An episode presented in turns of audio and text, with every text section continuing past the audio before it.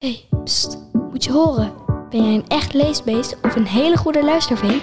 Zet dan zeker deze podcast op je luisterlijst. Die vreselijke woorden op haar gezicht. Hier hoor je kinderen in gesprek met hun favoriete kinderboekenschrijver. Ik wil nog honderd boeken schrijven. Ze praten over kinderboeken, Ik vind het beginstukje een beetje raar. leuk lezen wel niet is. Ik hield ontzettend veel van lezen. Je hoort het laatste nieuws over lezen en welke kinderboeken je echt gelezen moet hebben. Leesbeesten en luistervinken, de kinderboekenpodcast. Hoi, fijn dat je luistert naar de 16e aflevering van Leesbeest en Luistervinken. Ik ben Cheyenne. Ik ben Siegen. En ik ben Lina. Deze aflevering praten we met kinderboekenschrijvers Anna Woltz en Mohanna van den Kronenberg. Ook hebben we natuurlijk de boekencast top 5. Met elke aflevering een nieuwe school of klas. Luister snel verder om te horen waar de leesbeesten en luistervinken brievenbus deze aflevering langs is gegaan. Maar nu eerst Anna Woltz. Hallo Anna. Hallo. Je hebt echt al heel veel boeken geschreven. 26 al. Op jouw website zagen we zelfs een woordenteller. Op hoeveel woorden zit je nu? Ja, ik, eh, ik heb mijn website zelf gemaakt. En op een gegeven moment vond ik het een grappig idee om te gaan tellen hoeveel woorden ik eigenlijk alles bij elkaar heb geschreven. En ik heb al die boeken nog gewoon in mijn computer zitten. En in zo'n Word-document kun je dan zien hoeveel woorden een heel boek heeft. Dus ik heb al die woorden bij elkaar opgeteld. En dat zijn nu op dit moment 733.545 woorden. Dat is veel. Wanneer ben je daarmee begonnen? Ehm, op de basisschool begon het eerst met heel erg veel lezen. Ik, eh, ik hield ontzettend veel van lezen, maar op een gegeven moment dacht ik: waarom mogen andere mensen eigenlijk steeds verzinnen wat er gebeurt in een verhaal? Dat wil ik zelf bepalen. Nou ja, dan zit er maar één ding op: dan moet je gewoon zelf een boek gaan schrijven. Dus toen ik twaalf was, toen ben ik dat gaan proberen. Toen had ik een idee voor een verhaal, maar na drie blaadjes wist ik al niet meer hoe het verder moest. Maar uiteindelijk heb ik dat boek echt geschreven toen ik 17 was. Dus vanaf mijn zeventiende ben ik echte boeken aan het schrijven. Waarover schreef je? Het allereerste boek, ehm, dat ging over vijf kinderen die een restaurant beginnen. Hun ouders die zijn op reis, ze zijn de hele zomervakantie alleen in een huis. De kinderen hebben geen geld en om geld te verdienen beginnen ze dan een restaurant. En ik kwam op het idee omdat ik zelf heel erg veel van koken hou. Dus ik vond het heel leuk om mijn eigen hobby dan in het boek te gebruiken. En dat is dus uiteindelijk mijn eerste boek geworden. Alles kookt over. Je hebt ook veel prijzen gewonnen. Voor het boek Gips heb je een gouden griffel gekregen. Hey Sijan, jij bent dit boek aan het lezen. Ik ben net begonnen bij gips, alleen ik vind het beginstukje een beetje raar, want het gaat over, ja, het meisje had, was, zat achterop, eh, bij, ja, achterop de fiets van, zijn, van haar vader, alleen ze vielen en haar vingertopje lag gewoon op de grond. En dat idee dat je vingertopje gewoon eraf ligt in een zakje, ja, al dat bloed en zo, dat, dat maakt me een beetje misselijk. Kun je nog wat meer vertellen over gips? Want ik, heb hem, ja, ik ben hem aan het lezen, maar niet alles verklappen, want ik heb hem nog niet uit. Wat leuk dat jij gips aan het lezen bent. En ik snap dat je wil dat ik niet alles verklap. Ehm, dat ga ik ook zeker niet doen, want ik zorg er altijd voor dat er in mijn boeken heel veel geheimen zitten. En er zit van alles in waarvan je denkt, hmm, hoe zit dat nou? En dat doe ik natuurlijk om ervoor te zorgen dat jij verder gaat lezen. Jij zegt, het begint heel gek. Ehm, ja, het begint met een ongeluk. Want de rest van het boek speelt helemaal in een ziekenhuis. Ik heb gips geschreven omdat mijn zusje dokter is. En die vertelt mij dus al jarenlang verhalen over wat ze allemaal meemaakt in het ziekenhuis. En toen dacht ik, ik wil zelf ook een boek schrijven dat zich afspeelt in een ziekenhuis. Maar ja, dan moet je je hoofdpersonen wel eerst daar krijgen. En dat gebeurt dus door het ongeluk. Het kleine zusje zit achterop de fiets bij haar vader. Het heeft een hele grote slee in haar handen. Het heeft die nacht gevroren en de fiets gaat onderuit. En een van de ijzers van de slee snijdt het topje van haar vinger eraf. Ja, dat, dat kan gebeuren. Ehm, en het, het grote, de grote zus die ziet dat ongeluk gebeuren. Ehm, ze rent de straat op en ze wil met haar vader en haar zusje mee naar het ziekenhuis. En dan zegt haar vader: Nee, jij mag niet mee. Met de woorden die jij op jouw gezicht hebt geschreven, neem ik jou niet mee. Maar je hoort niet wat zij op haar gezicht heeft geschreven. En dat ga ik nu dus ook niet verklappen. Gelukkig, uh, de buurvrouw vindt een oplossing. Die komt aan met een tijgermasker. Dus um, de hoofdpersoon doet dat tijgermasker over die vreselijke woorden op haar gezicht en mag mee naar het ziekenhuis. Maar pas veel later ontdek je wat zij op haar gezicht heeft geschreven en waarom. Ik weet wat. Ja, maar jij mag het ook nog niet verklappen voor de andere kinderen die het nog niet hebben gelezen. Heb je zelf ook wel eens iets gebroken en gips gehad? Ik heb zelf nooit iets gebroken. Mijn zusje heeft haar arm een keer gebroken. Um, ging ze indoor snowboarden toen ze, weet ik veel, twaalf was of zo.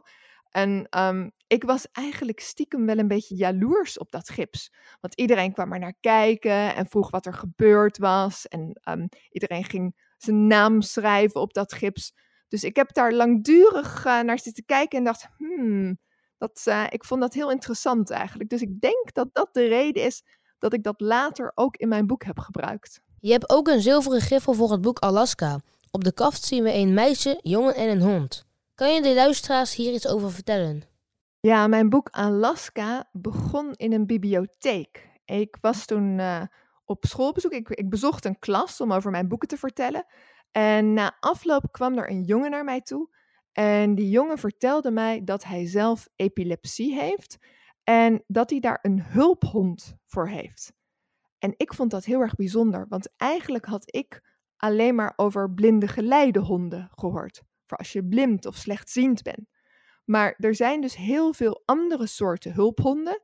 En die zijn er niet alleen voor volwassenen, maar ook voor kinderen. En ik hou zelf heel erg van honden. En ik vond het een heel bijzonder idee. Zo'n hulphond is echt van jou alleen.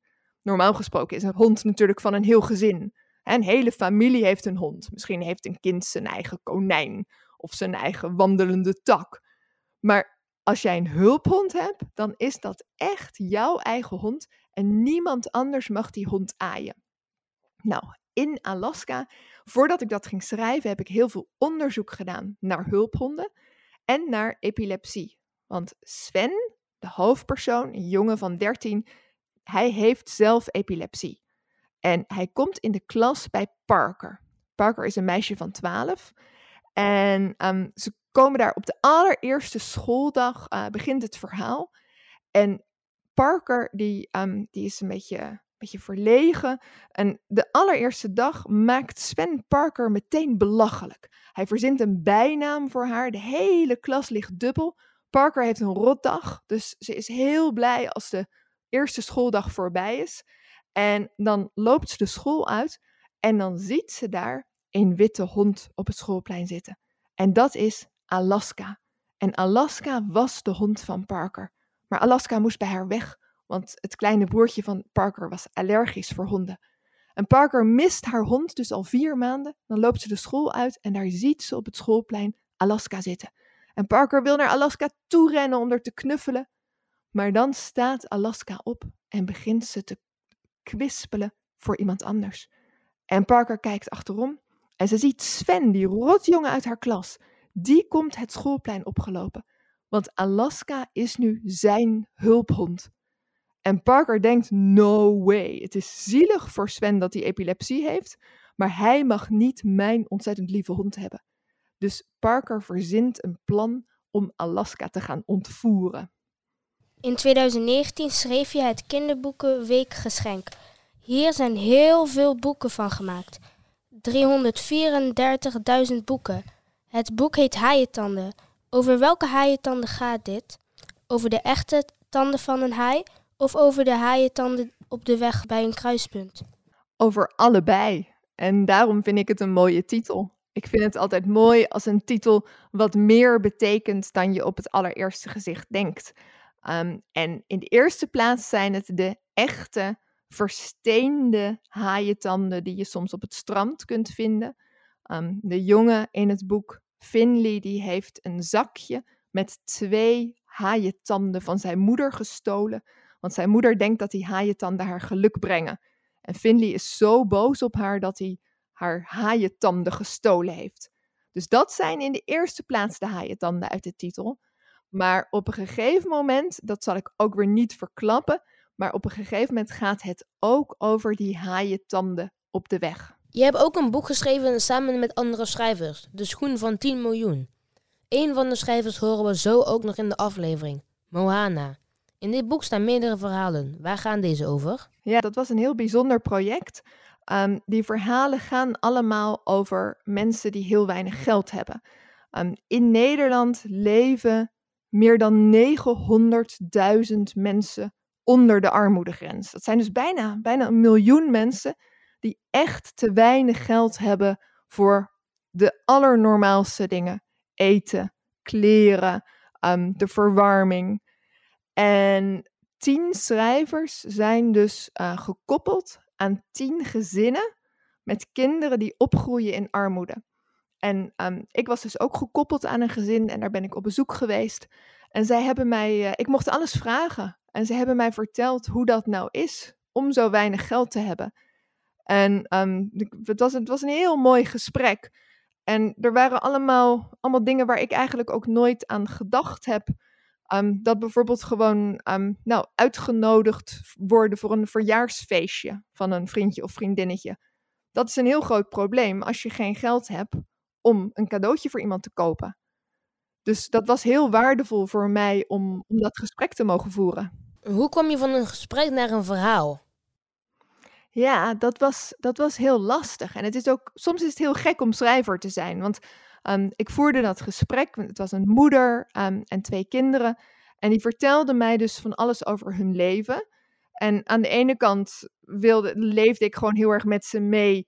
En um, was ik benieuwd naar hun leven. Maar aan de andere kant was ik natuurlijk ook in mijn hoofd aan het denken: hmm, hoe ga ik dit in een verhaal gieten? Want dat was nou eenmaal de opdracht.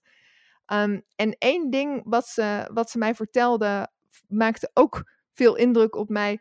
Dat ze um, op school dan uh, op een gegeven moment heb je vaak in de klas dat er voor Sinterklaas loodjes worden getrokken en dat je Sinterklaas surprises voor elkaar maakt.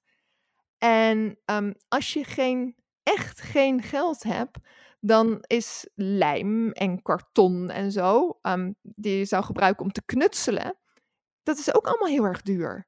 Dus hoe maak je dan een Sinterklaas surprise voor een klasgenootje? En daar vertelden ze het over, dat ze elke keer opzagen tegen Sinterklaas. Terwijl heel veel kinderen, uh, mijn zoontje vindt Sinterklaas het leukste feest van het jaar. Maar als je niet eens geld hebt om een Sinterklaas surprise te maken, dan is dat natuurlijk helemaal niet het leukste feest van het jaar. Um, dus daar voelde ik een soort van klik in mijn hersens en dacht ik, hey, dit is een, ja, een heel treffend detail waar ik een heel verhaal omheen kan verzinnen. Dus daar ben ik toen op verder gaan denken. Op je website tel je ook hoeveel boeken je nog wil gaan schrijven. Dit zijn er 94. Waar gaat je volgende boek over? Ja, die, uh, die telling op mijn website, het is eigenlijk een beetje begonnen als een grap. Ik maakte mijn website en um, ik, uh, er stonden vier van die tellers die ik kon invullen. En toen dacht ik, oké, okay, woordenaantal, um, hoeveel boeken ik heb geschreven, hoe oud ik ben. En toen moest ik nog één teller bedenken. Toen dacht ik, oké, ik zet er ook bij hoeveel boeken ik nog wil gaan schrijven. Tja, hoeveel zijn dat er dan? En toen, jaren geleden, had ik bedacht: oké, nog 100. Ik wil nog 100 boeken schrijven. En sindsdien ben ik dus aan het terugtellen. En elke keer als ik weer een boek erbij heb, dan gaat er van de teller hoeveel ik er nog wil, juist eentje af. Dus uh, op dit moment zijn dat er nog 94. Ik ben op dit moment bezig met de allerlaatste puntjes op de i van een nieuw boek. En um, dat komt eind september, maar ik kan nog helemaal niet vertellen waar het over gaat. Dat is heel stom, maar um, dat is gewoon nog totaal geheim. Er is wel, eigenlijk klopt, die, klopt er helemaal niks van die teller. Want er is nu net een nieuw boek. Uh, wat ik nog helemaal niet in de teller heb gezet. Dus ik heb zelfs ook nog meer woorden geschreven. En dat is het boek uh, Skip en de konijnendief. Ik kan wel vertellen waar dat over gaat. Dat gaat over een jongetje. En zijn konijn is gestolen. Dus samen met zijn vrienden gaat hij op zoek naar de konijnendief. En je hoort misschien aan het verhaal, dat is niet helemaal voor jullie leeftijd. Dat is voor kinderen vanaf een jaar of zeven. Die dus net groep drie achter de rug hebben. En die net hebben leren lezen. Dat was de laatste vraag alweer. Heel erg bedankt, Anna. Dankjewel voor jullie vragen. Doei! Doei. Dag! Op naar Cheyenne. Dankjewel Lina en hallo Moana. Hi Cheyenne, heel erg leuk dat ik hier ben. In 2022 kwam jouw eerste kinderboek uit. Doe je ook iets anders naast kinderboeken schrijven? Zeker, ik doe eh, best veel naast kinderboeken schrijven, maar het meeste heeft toch wel iets met kinderboeken te maken. Ik ben be- beeldhouwer en ik beeldhouw schrijvers. Ook kin- kinderboekenschrijvers, maar vooral op dit moment kinderboekenhelden. Dat zijn be- be- bekende personages uit kinderboeken. Ik heb tot nu toe vrijwel alleen klassieke helden ge- gemaakt, zoals Dick Trom, Alice in Wonderland, Pippi Langkous, de kleine kapitein. Dat zijn allemaal helden uit mijn eigen eh, jeugd. Maar ik maak nu ook een, een moderne held en het is Bob Popcorn. Die ken je wel, de- denk ik. Dat eh, mannetje met driftbuien. En misschien denk je van nou, dat is wel heel erg makkelijk, omdat dat gewoon een eh, eh, maiskorrel is. Maar het is om te boetseren toch heel moeilijk, omdat hij heel dunne beentjes heeft en heel dunne armpjes. En aan die beentjes zitten hele kleine kooibooilaarsjes. En die zijn heel erg lastig om te bo- boetseren en ook lastig om te gieten. Naast het beeldhouden werk ik ook nog in een kinderboekwinkel in Den, Den Haag. En daar werk ik elke za- zaterdag en dat is de leukste dag van de week. Jouw eerste kinderboek heet Dodo. Wat is een dodo? Nou, een dodo is een uit- uitgestorven vogel. Er is geen enkele foto van. Het is een heel eh, grote vogel van bijna 1 me- meter hoog. En je kunt ze heel herkennen aan hun snavel. Ze hebben een heel mooie, bijzondere, magische snavel die naar beneden wijst in een soort halve maan. Eh, dodo's leefden tot ongeveer 1650 op het eiland Mauritius. Dat is een eiland midden in de Oceaan ten oosten van eh, Afrika. Maar, en daar heb je misschien wel eens van gehoord, in de Gou- Gouden Eeuw gingen wij han- handel drijven. ehm, en dat deden we met de VOC, de Verenigd Oost-Indische Com- Compagnie. En dat ging over zee. Dus we gingen toen eh, varen. En omdat eh, mensen op de schepen honger kregen en eh, ehm, eh, eh, even van dat schip af wilden, hadden wij een, een rustplek elke keer heen en terug op Ma- Mauritius. En nou, daar, die mannen gingen dat schip af en die renden daar rond en die, die aten de vogels ook, hoewel het vlees ontzettend vi- vi- vies was. Ehm, dus ze aten ze niet, niet zoveel, maar de dieren zijn toch uitgestorven daarna in ongeveer vij- vij- 75 jaar. En dat komt waarschijnlijk eh, omdat er van de schepen ook andere dieren kwamen. Bijvoorbeeld ratten die de eh, eieren op, eh, op aten. En de dodo is nu het symbool geworden van uit, uitgestorven dieren. Over wie gaat het boek? Nou, dit boek gaat over Dorian. Dorian is een jongen van eh 12. Eh, maar eigenlijk gaat het over mij, mijzelf. Ik wilde namelijk heel graag een boek schrijven over mijn jeugd. Ik was als kind namelijk ontzettend bang. En mijn moeder die, eh, maakte zich zorgen hoe dat met mij dan eigenlijk zou moeten op de kleuterschool.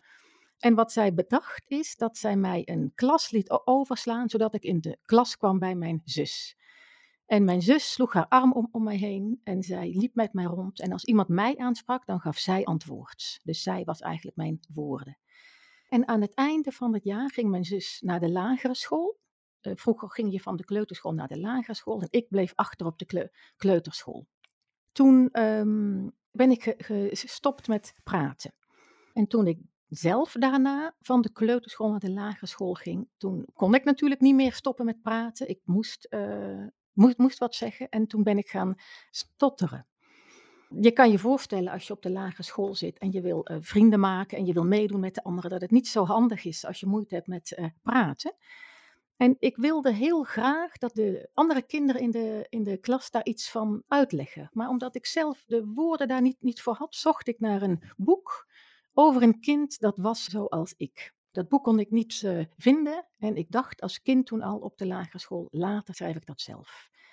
Dus het boek gaat over eh, mijzelf, maar daarnaast gaat het nog over heel veel andere dingen ook. Het gaat over vriendschap, het gaat over liefde, het gaat over drummen. Dus voor elk kind, kan het een eh, erg fijn boek zijn, denk ik. In het boek gaat Dorian met zijn klas naar een museum. Hier ziet hij een echte dodo. Wat gebeurt er dan? Voordat ik dat kan antwoorden, ga ik een heel klein stukje vertellen wat er daarvoor aan de hand is. Dorian is uh, 12 en die um, heeft net op school zijn vo gehad. En hij wilde, net als de andere kinderen, hij, hij, kent niemand op school en hij wil graag leuk zijn en hij wil iets leuks zeggen en hij wil vertellen wie hij is, maar hij struikelt al over de i van ik. Als de juffrouw daarna naar zijn naam vraagt, dan zegt hij in plaats van Dorian, zegt hij Do, Do. Nou, de klas vindt dat heel erg grappig en uh, Dorian sluit zich af en hij besluit om niet meer te praten. De dag daarna gaan ze met de klas naar het Natuurhistorisch Museum.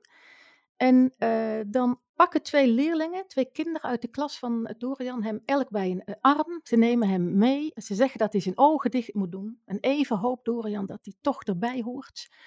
Maar al gauw merkt hij dat dat niet zo is, want uh, zodra zij zeggen dat hij zijn ogen open mag doen, staat hij voor een opgezet dodo. Maar als hij dan oog in oog staat met die dodo, dan voelt hij daar iets ontzettend moois. Hij heeft het gevoel dat zij elkaar kennen. En het lijkt alsof zij in een verleden samen een verbond gesloten. En Dorian die keert de wereld terug toe eigenlijk en trekt zij oog in oog met die dodo terug in zijn fantasie. En vanaf dat moment splitst het boek zich. De ene helft is de werkelijkheid, waarin um, Dorian uh, zich teruggetrokken in de klas geen, geen vrienden heeft. En de andere helft is uh, zoals Dorian zou willen dat het leven was. In het schriftje herschrijft hij zijn werkelijk leven. In zijn fantasie heeft hij een heel mooie tijd met Dodo, met wie hij wel praat. Dus deze Dodo is hij eigenlijk zelf. Hij uh, praat met zichzelf. Heb jij zelf ook wel eens een dodo gezien in een museum? Ja, ik heb zeker in verschillende musea dodo's gezien. Maar ik moet er wel bij zeggen dat dat geen echte dodo's zijn. Er is namelijk geen enkele opgezette dodo. Het enige wat we hebben, dat zijn skeletten. Als je een, een, een, dodo in een museum ziet, want die zijn er wel, maar dat zijn dan gewoon over dat skelet heen nagemaakte dodo's. En er is één skelet wat vrijwel helemaal intact is, dat dus niet gemaakt is van allerlei botten van verschillende dodo's die ze bij elkaar geraapt hebben, maar die echt van één vogel is en die staat in Londen. En daar ben ik vorig jaar heen gegaan. Net hoorden we Anna Woltz. Jij hebt samen met haar en andere schrijvers ook een verhaal geschreven in het boek De Schoen van 10 miljoen. Hierin staan verhalen over, Hierin staan verhalen over armoede. Hoe heet jouw verhaal? Mijn verhaal heet 101 Nacht. Dat klinkt als een sprookje. Waar gaat het over? Ja, dat klinkt zeker als een sprookje. Je kent denk ik het sprookje 1001 Nacht. Uh, mijn sprookje 101 Nacht gaat, gaat over een meisje, Fina, die elke avond voor het slapen gaan verhalen vertelt aan haar broers en zusjes om te overleven. En dan bedoel ik hier armoede. Hoe kwam je op dit idee? Je weet dat in dit boek hebben alle schrijvers, er zijn tien schrijvers, hebben allemaal in Den Haag een tijd lang gesproken met een gezin in Den Haag dat leeft in armoede. Toen ik de opdracht kreeg om dit verhaal te schrijven, toen ging dat boek bijna naar de drukker. Dus er was geen tijd meer om nog een gezin te spreken. Toen hebben de uitgever en ik een ander plan bedacht. Ik heb namelijk met de uitgever zelf gesproken. Zij woonde als kind in de berg van Marokko. En uh, zij wilde heel graag aan mij haar verhaal van haar jeugd vertellen. Nou, ik heb uh, mijn hoofdpersoon, het meisje, dus de, de uitgever toen ze jong was, heb ik Fina genoemd. En het verhaal wat ik schrijf is een beetje gebaseerd op haar leven. Wat zij vertelde was dat zij uh, zich herinnerde dat zij vroeger, toen ze jong was, met haar broers en haar zusjes en de geitjes allemaal in één bed sliepen. En toen ik hoorde dat de kinderen en de geitjes samen in één bed lagen, dan denk je aan een sprookje. Of ik dacht in elk geval aan een uh, sprookje. En als je aan een geitje denkt, dan denk je al vrij snel ook aan een wolf. En omdat het over armoede gaat, dacht ik aan een geldwolf. En eigenlijk heb je dan uh, al een uh, begin van een sprookje. En Fina, mijn hoofdpersoon, dat was wat de, de, mijn, de persoon met wie ik sprak zelf deed ook. Die vertelde verhalen. Elke avond waren ze bij elkaar, lagen ze in dat bed samen en ze vertelden elkaar verhalen. En in mijn uh, sprookje vertelt Fina verhalen elke nacht aan geitjes en aan haar broers en zussen, omdat de wolf rondom het huis snuift. Nou, omdat uh, de kinderen natuurlijk bang zijn voor de wolf, probeert Fina ze uh, moed te geven door het vertellen van verhalen. En wat een ander symbool is, wat je in sprookjes vaak ziet, is de uh, roos. En aan het eind van mijn sprookje komt de, de roos ook voor. Als de kindjes slapen, als de geitjes slapen, als Fina zelf inmiddels slaapt, dan droomt ze. En ze droomt van rozen, in alle soorten en maten, in alle kleuren. En elke roos is een verhaal. En het mooie daarvan is dat de, uh, het meisje wat die verhalen vertelt nu een vrouw is die van verhalen vertellen haar uh, vak gemaakt heeft. En de uitgever heet Rose Stories, dus verhalen over rozen. Misschien ben je al bezig met een nieuw boek. Is dit ook een sprookje of gaat het ergens anders over? Nou, ik ben inderdaad bezig met een nieuw boek. Dat is geen sprookje, want het speelt in het nu en het speelt hier. Uh, het is een boek voor kinderen vanaf ongeveer acht. Dus dat is voor wat jongere kinderen dan do Dodo. En er zitten heel veel tekeningen in. Dat zijn illustraties die heel mooi zijn van Nadia Meeze. Uh, het boek heet Ik heb mijn zusje kwijtgemaakt. Het gaat over een jongetje die een uh, huisje maakt voor zijn zusje. haar daarin verstopt, maar haar helaas daarna niet meer kan terugvinden als hij naar, naar huis gaat en hij vertelt tegen zijn ouders dat dat zusje er niet meer is, dan merkt hij pas hoe zijn ouders daar ontzettend van schrikken. En hij zegt onmiddellijk, nou, ik ga haar, uh, haar wel halen. Maar hoe hij haar ook zoekt, hij, hij kan haar niet vinden. En in zijn zoektocht naar zijn zusje wordt dat uiteindelijk een zoektocht naar een ver, verstopplek voor zichzelf. Omdat hij zonder zijn zus niet, niet naar huis terug durft. En in die zoektocht naar een plek voor zichzelf ontmoet hij mensen. Hij ontmoet een uh, moeder met een bonuskind. Hij ontmoet een dakloze, twee gevluchte mannen. En in die gesprekken die hij met hun heeft, leert hij de wereld om zich heen, maar vooral zichzelf een beetje beter kennen. En uh, het, het, gaat dus uh, ja, over uh, thuissituaties ook, wat een, een heel mooi past in het, het, thema van de Kinderboekenweek. En um, nou, ik denk dat het een, een ontzettend fijn verhaal geworden is. Dat klinkt als een heel leuk en spannend boek. Ik zou die zeker een keer willen lezen. Leuk! Dat was alweer de laatste vraag. Super bedankt, Moana. Dankjewel. Tijd voor de boekenkast top 5. Net als de vorige keer gaan we naar een klas of school toe. Zij maken samen een top 5 van hun favoriete boeken. Wil jij ook samen met jouw klas een boekenkast op 5 maken en deze bespreken in deze podcast? Stuur ons dan een berichtje via Instagram. leesbeesten luistervinken. Maar voor nu, op naar groep 8 van de Antonius School in Best. Hoi, ik ben Saya en ik zit op kindcentrum Antonius in Best. Ik hou heel erg van lezen, omdat dat eigenlijk je fantasie verbreedt. Dat is dan heel leuk om de karakters voor te stellen zoals jij ze ziet. Nu lees ik het boek De School van Goed en Kwaad deel 1. Het gaat over twee meisjes en een lelijke jongen. Mijn naam is Amelie en ik zit bij Saya in de klas. Ik vind lezen heel leuk, omdat het is gewoon heel rustgevend. En de verhalen vind ik ook meestal gewoon superleuk. Nu ben ik bezig in het boek De Heimwee van Faxie. Het gaat over een IJslands paard die mag meedoen. En dan is er een meisje, Noor, waar hij zich heel erg aan hecht. Maar Noor die moet verhuizen. En um, Faxie die mist daar heel erg. En Faxie moet dan meedoen aan het WK in Nederland. Maar alle paarden die van IJsland naar Nederland gaan of naar het buitenland... die kunnen niet meer terug naar IJsland. En zo zoekt hij weer naar Noor. Ik ben Linde. Ik vind lezen heel leuk, omdat voor mij is het heel erg rustgevend. En je kunt jezelf helemaal verdiepen in een boek. Hallo, ik ben Bas en ik zit uh, bij deze drie meiden in de klas. Ik hou heel erg van lezen, omdat het je uh, je eigen fantasie kan voordoen. En je kunt uh, er van alles van maken in je hoofd. Hoe een personage eruit ziet en hoe een onderwerp eruit zal kunnen zien. Zoals een voetbal met allerlei exotische kleuren en zo kun je je ook helemaal voorstellen. En ik ben Nienke. Uh, ik hou echt van lezen omdat je allemaal avonturen beleeft terwijl je eigenlijk gewoon thuis op de bank zit en het lijkt soms net of je erbij bent. Ik heb uh, met de voorleeswedstrijd meegedaan en ik was dan kampioen van de school. Dat was heel leuk, want dan kan je voor heel veel kinderen voorlezen. En als ze dan goed luisteren, dan is het ook gewoon leuk om te doen. Ik doe het soms bij mijn neefjes en nichtjes. Um, maar ik lees niet heel veel meer voor, want ja, ik zie ze ook niet heel vaak.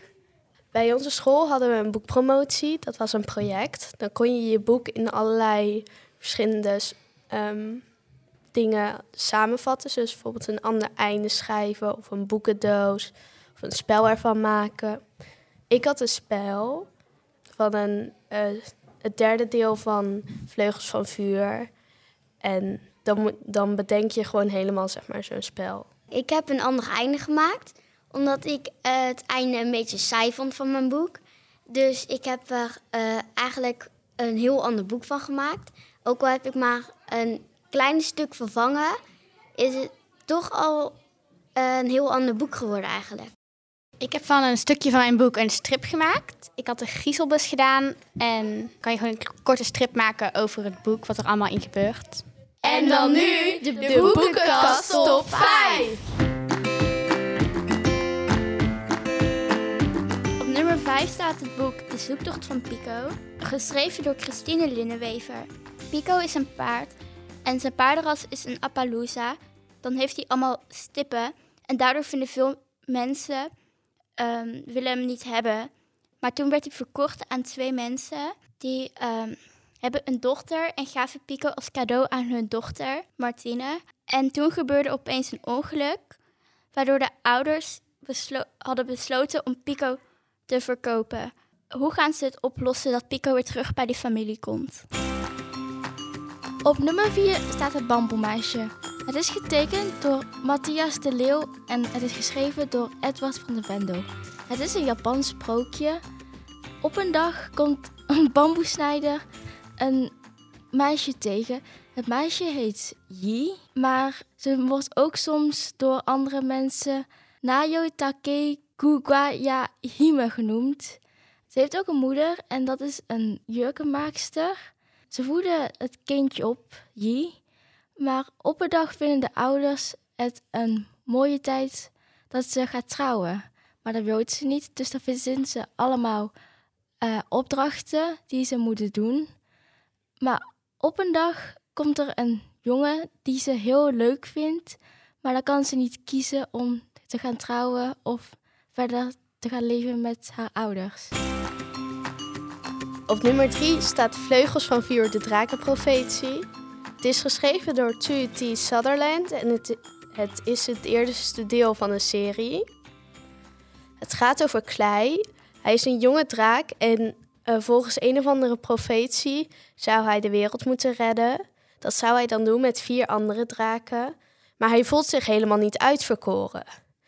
En op een dag ehm, besluit ze te ontsnappen. Want ze worden een soort van gevangen gehouden in de grotten. Maar alles gaat dan gruwelijk mis. Wat nu? Op nummer 2 staat Bethany en het Beest. En de schrijver van het boek is Jack Maggot Phillips. Het gaat over Peregrines. Die heeft een huis van 15 verdiepingen hoog. En op de 15e verdieping eh, zit een gruwelijk monster. Eh, en dat vraagt om allerlei spullen en eh, ook levende wezens. En daarvoor krijgt Peregrines allerlei dingen terug, zoals eh, levensdrankjes, waardoor hij langer leeft, piano en ook het huis van 15 verdiepingen hoog. En op een gegeven moment vraagt het beest om een meisje. Hij wil per se een kind hebben. Dus Peregrines gaat op naar het weeshuis omdat hij niet meer lang te leven heeft. En dus wil hij heel graag het drankje hebben, het levensdrankje. Dus hij gaat naar het weeshuis toe en zoekt het perfecte meisje. Hij vindt het perfecte meisje dat heel irritant is en iedereen pest. Die neemt hij mee, maar op een gegeven moment krijgt hij er toch spijt van en wil hij niet, het kind niet meer aan het beest geven. En op nummer 1 staat het boek De School van Goed en Kwaad, eh, geschreven door Soman Chainani. Het gaat over een mythe ehm, waarin gezegd wordt dat op de School van Goed en Kwaad elk sprookje begint. De School van Goed leidt de helden op en de School van Kwaad is de slechterikken. Eh, de twee vriendinnen Agatha en Sophie ehm, zijn heel verschillend van elkaar, want Agatha woont op het kerkhof alleen met haar moeder en iedereen noemt haar een heks. En Sophie ehm, is echt een prinsessenmeisje, heeft altijd roze jurken aan en doet een uur over de haar. Eh, totdat ze ontvoerd worden. En Sophie komt op de school van kwaad terecht bij alle heksen. En eh, Agatha op de school van goed tussen alle prinsesjes en zo. Sophie wil van de school wisselen en Agatha wil alleen maar naar huis. Maar hoe? Als je benieuwd bent naar het boek, eh, en wil weten hoe het gaat, luister dan nou naar een eerste stukje van het verhaal. Sophie wachtte haar hele leven tot ze ontvoerd zou worden. Maar vannacht lagen ook alle andere kinderen in Gavelden te woelen in hun bed. Als de schoolmeester hen mee zou nemen, zouden ze nooit meer terugkeren. Nooit meer een normaal leven leiden, hun familie nooit meer terugzien. Vannacht droomden deze kinderen over een dief met rode ogen en het lijf van een beest, dat hen onder de dekens vandaan zou rukken en een angstkreten zou smoren. Dat gold niet voor Sophie. Zij droomde over prinsen. Ze bezocht een bal in een kasteel dat ter ere van haar werd gegeven. En ze trof er alleen maar honderden huwelijkskandidaten aan en geen enkel ander meisje. Voor de eerste keer ontmoette ze jongens die haar verdienden, dacht ze, terwijl ze keurend langs de rij liep. Met glanzend dik haar, strakke spieren, een gladde gebruinde huid, knap en attent, zoals een prins hoort te zijn. Maar net toen ze er eentje zag die beter leek dan de rest, met schitterende blauwe ogen en een spookachtig wit haar, de jongen die wel eens de ware zou kunnen zijn, ramde een hamer door de muren van de baalzaal en sloeg alle prinsen aan scherven. Sophie werd wakker en zag dat het ochtend was. De hamer was echt, de prinsen niet. We zijn alweer aan het einde gekomen van de 16e aflevering van Leesbeesten en Luistervinken. In de volgende aflevering hoor je nieuwe stemmen. Wij gaan namelijk naar de middelbare school en geven het stokje door. Bedankt voor het luisteren en dankjewel naar iedereen die mee heeft gedaan aan deze aflevering. En ook Cubus en Ears Up bedankt. Groetjes van ons allemaal. Doei!